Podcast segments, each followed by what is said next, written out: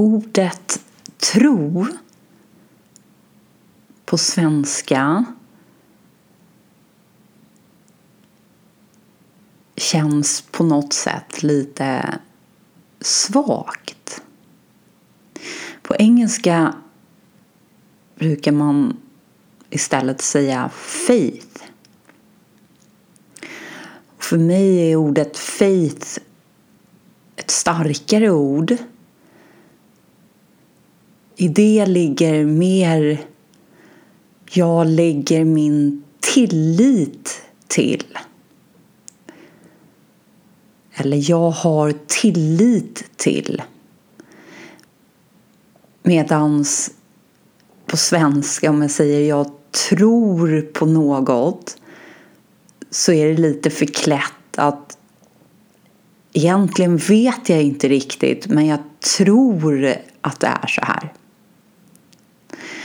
Och som ni känner till i religiösa sammanhang så brukar ju många uttrycka att de tror på Gud och de tror på Jesus och så vidare.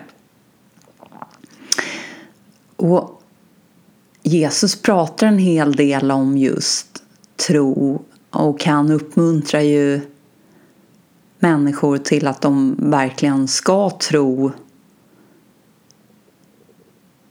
Och för mig, när han pratar om det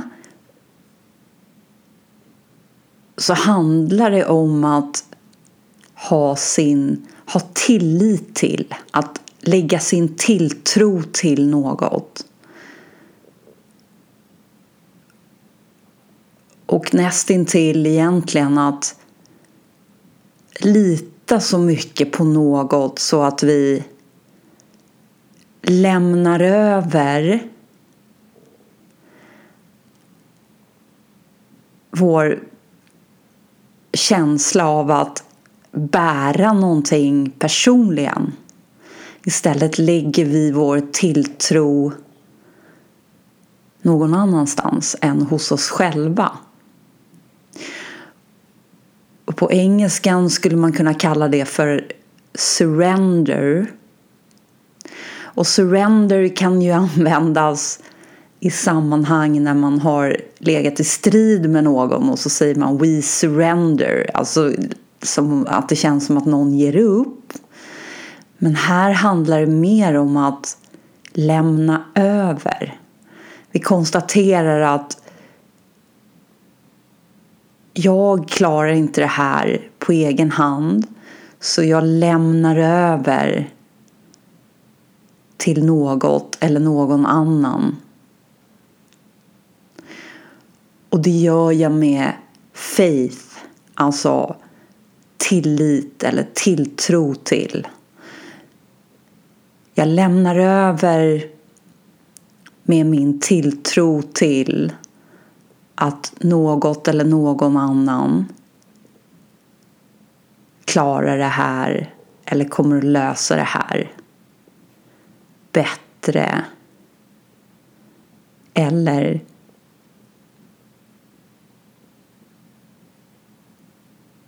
åtminstone kommer att lösa det här. För jag klarar det inte själv.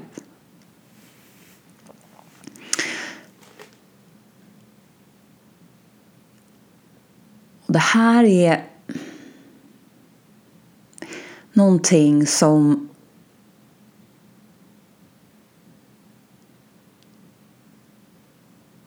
är en tydlig skillnad. Det blir som en skiljelinje nästan mellan vilka som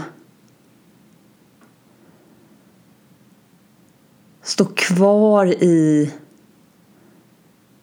att tro i ordets svenska bemärkelse och på något sätt har en stark intellektuell övertygelse som grundas på att det känns bra, det känns rimligt, det känns som att det här är mitt bästa alternativ så därför väljer jag att stå här och följa den här vägen. Sen finns det vissa individer som har följt det Jesus pekar mot och det Jesus uppmuntrar till. Och det är på något sätt att ha true faith. Att ha lämnat över, de har lagt sin tillit till något. Fullt ut. Och de litar fullt ut på att det de har lagt sin tillit till kommer att bära vad det än är som kommer komma i deras liv.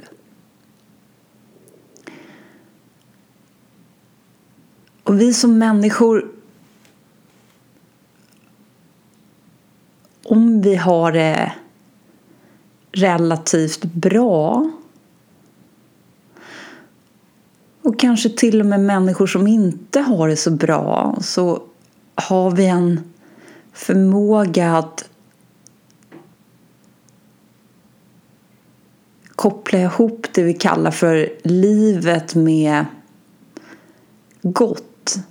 Och det vi benämner som gott är ju det som tilltalar oss personligen i olika sammanhang.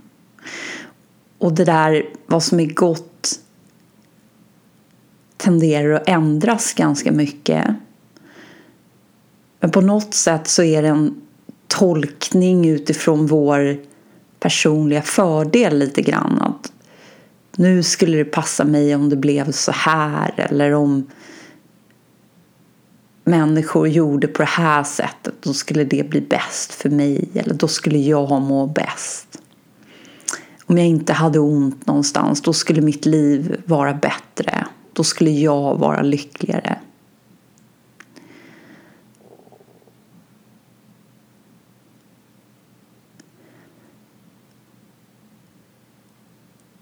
Och då, om vi å ena sidan säger att ja, men jag tror verkligen på någonting som vi kallar för Gud och jag tror på Jesus som världens frälsare och så vidare. Och samtidigt så ber jag till Gud och till Jesus i olika situationer när jag upplever att mitt liv inte riktigt går så som jag önskar.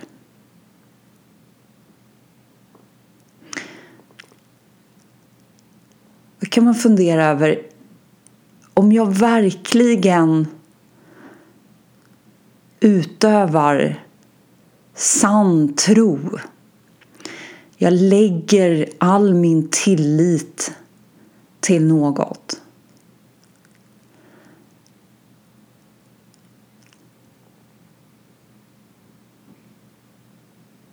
Om jag gör det på riktigt, om jag verkligen känner att men jag kan inte bära det här, jag kan inte klara av det här utan jag lägger min tillit till någonting annat.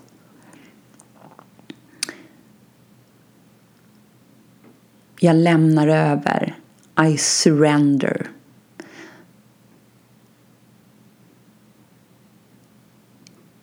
Håller jag fast vid det om jag sen då och då när det är personliga önskemål som kommer in och som har åsikter om hur skeenden ter sig och hur livet tar olika vändningar.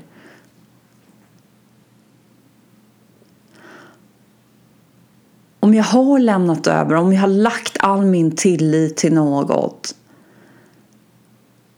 som jag någonstans känner är det som styr indirekt allt som händer ur ett större perspektiv. Behöver jag då verkligen på det lilla planet, på det personliga planet, på det väldigt flyktiga och föränderliga planet be det som jag har lagt min tillit till att olika saker i mitt personliga liv ska ske.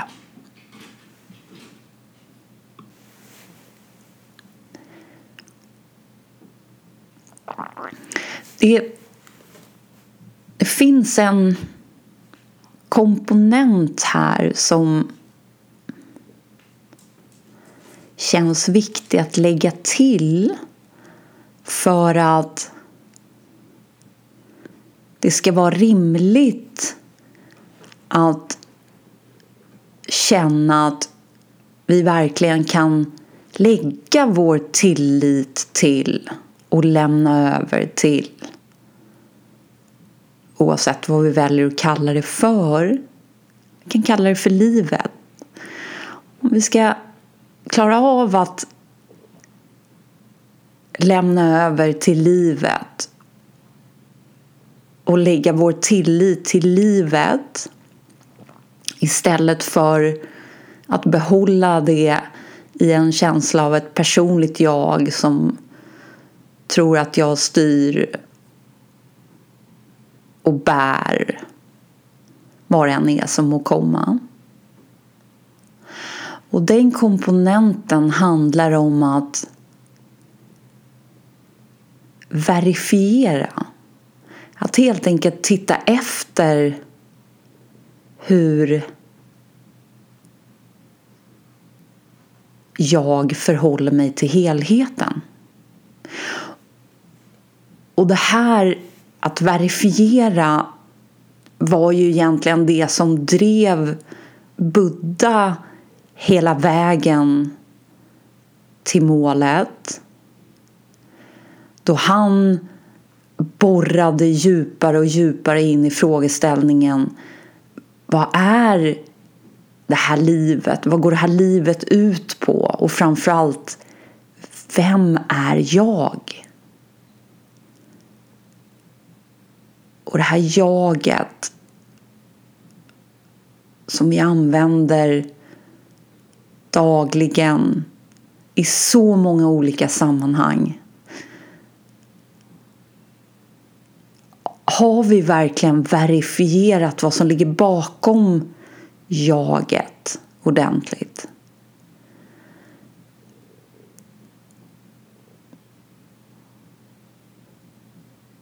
Och att borra djupare, att verifiera är verkligen någonting som Jesus uppmuntrar till. Och det är någonting som inte nödvändigtvis uppmuntras till i olika religiösa sammanhang. Vi förväntas tro på och ha en stark tro, det vill säga jag lägger min tillit till Gud eller till Jesus utan att den tilliten är rotad i en sanning inom oss som handlar om att jag kan inte lägga min tillit någon annanstans därför att det finns ingen annanstans att lägga tilliten till.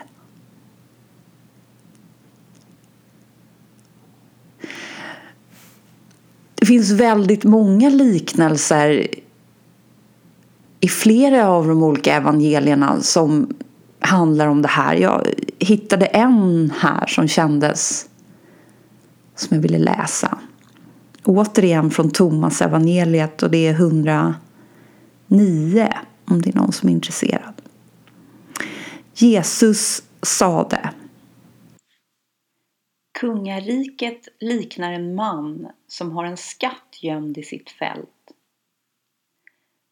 Han kände inte till honom och när han dog så lämnade han honom i arv till sin son.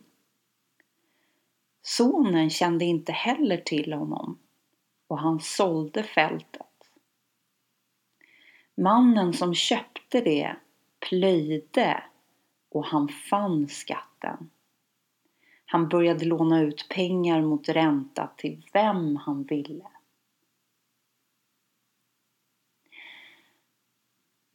Jag skulle säga att det den allra viktigaste pekaren i den här liknelsen är ordet plöjde. Eller egentligen, vad gjorde mannen för att hitta skatten? Han plöjde. Han gick på djupet. Han blickade inte bara ut över fältet och skrapade lite på ytan och sådde, utan han plöjde. Han gick under ytan.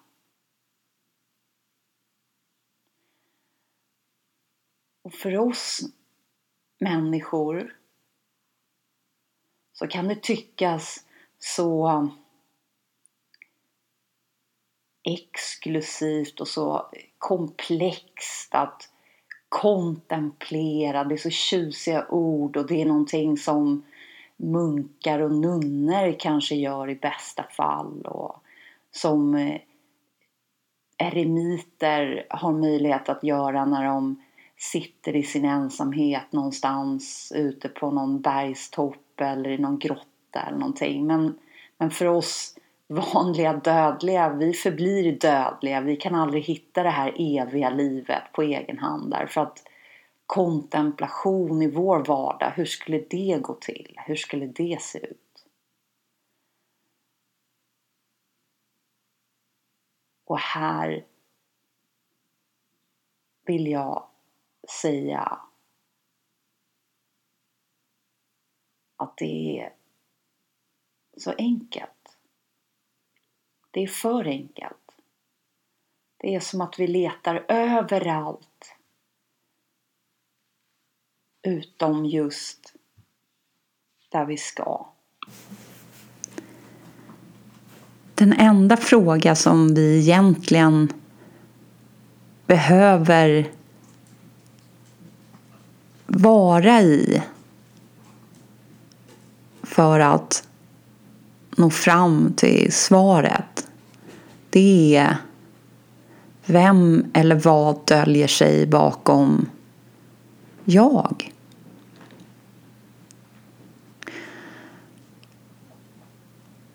Och här handlar det ju om att vi kan inte finna något så som mannen fann en skatt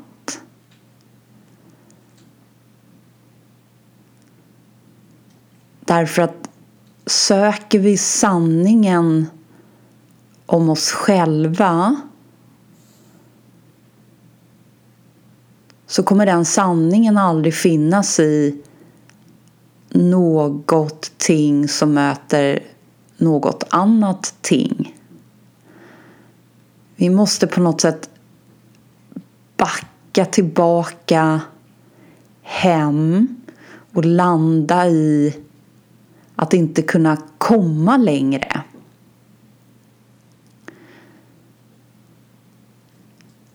Det finns många olika liknelser som har försökt att beskriva det här, den här upptäckten av oss själva, vårt sanna jag eller vad vi nu ska kalla det för. Och det är allt ifrån att våra ögon kan inte se sig själva direkt utan de kan bara indirekt se sig själva genom en reflekterande yta. Eller en kniv som kan vara så många olika saker men den kan inte skära sig själv för att själv inse att den är en kniv utan det kommer i nästa steg. Så att någonstans handlar det om att backa hem, att plöja, att istället för att titta in i spegeln och försöka fundera över det som du ser i spegelbilden vända riktningen åt andra hållet mot den som tittar.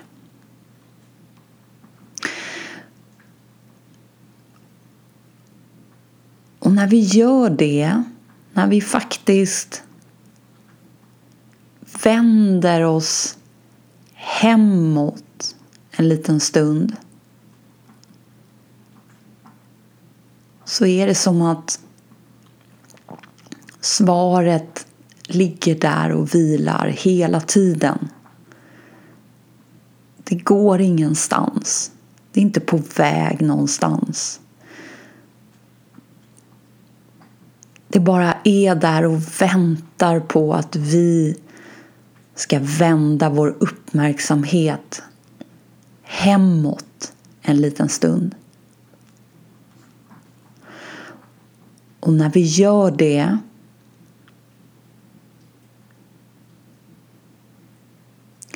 så inser vi att det vi upplever vara den vi är den här personen, det personliga jaget det relativa jaget som hela tiden ändras, ändrar uppfattning, ändrar utseende, ändras i andras tolkningar av hur det är. Det är inte en enhet. Det är någonting som är en del av det som är relativt, det som kommer och går, det som uppstår och försvinner. Men någonstans bakom det relativa vilar någonting absolut, någonting stilla, någonting som vet att allt annat hela tiden ändras.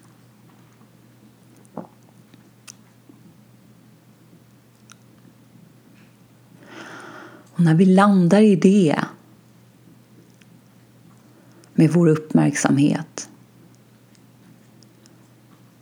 då är vi hemma på riktigt.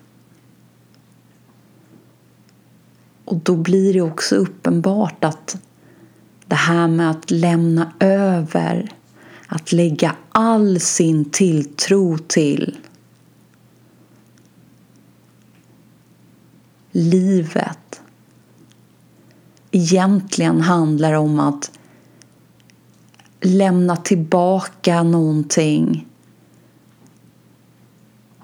till det som ändå egentligen är det enda som kan styra och påverka någonting.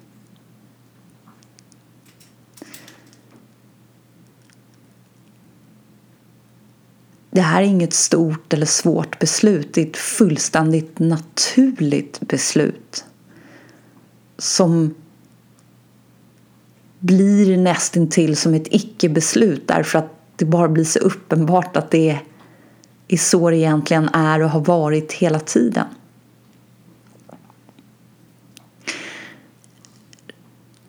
Ramana har en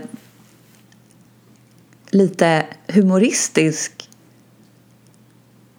tolkning eller liknelse av det här med att lämna över, att lämna tillbaka till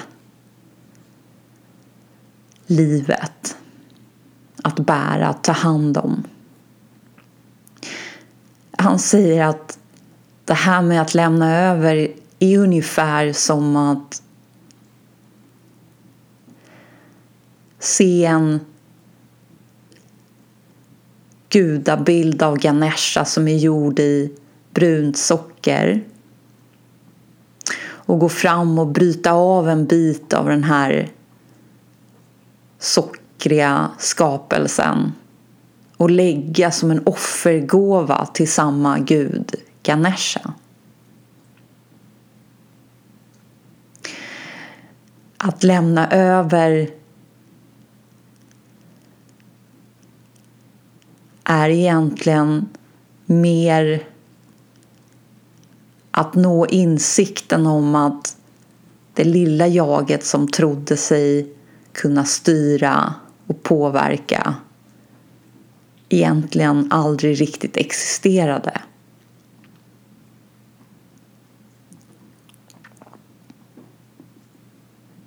Så att lämna över blir en fullständigt naturlig följd av den insikten.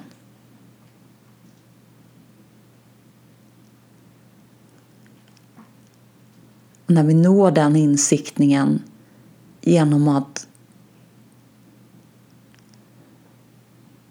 vända uppmärksamheten, rikta uppmärksamheten hemåt istället för bortåt, utåt.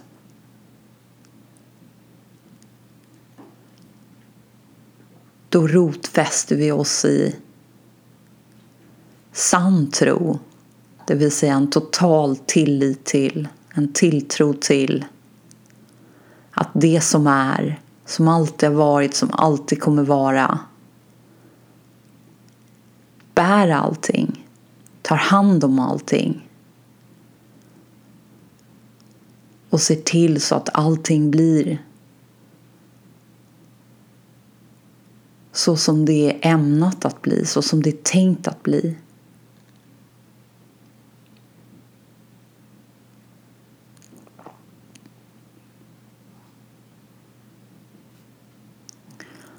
Och det kan tyckas skrämmande sett ur det lilla personliga perspektivet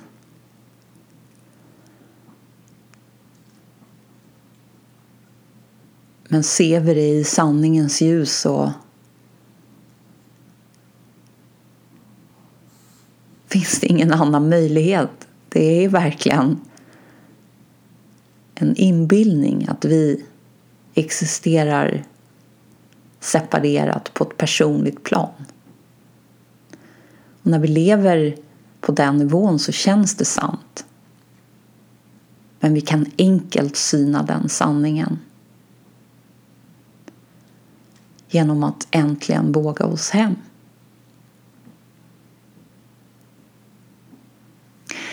Jag tänkte avsluta med en söt liten historia som jag för mig är från Indien. Jag läste den i en bok som Caroline Myss har skrivit som handlar om healing.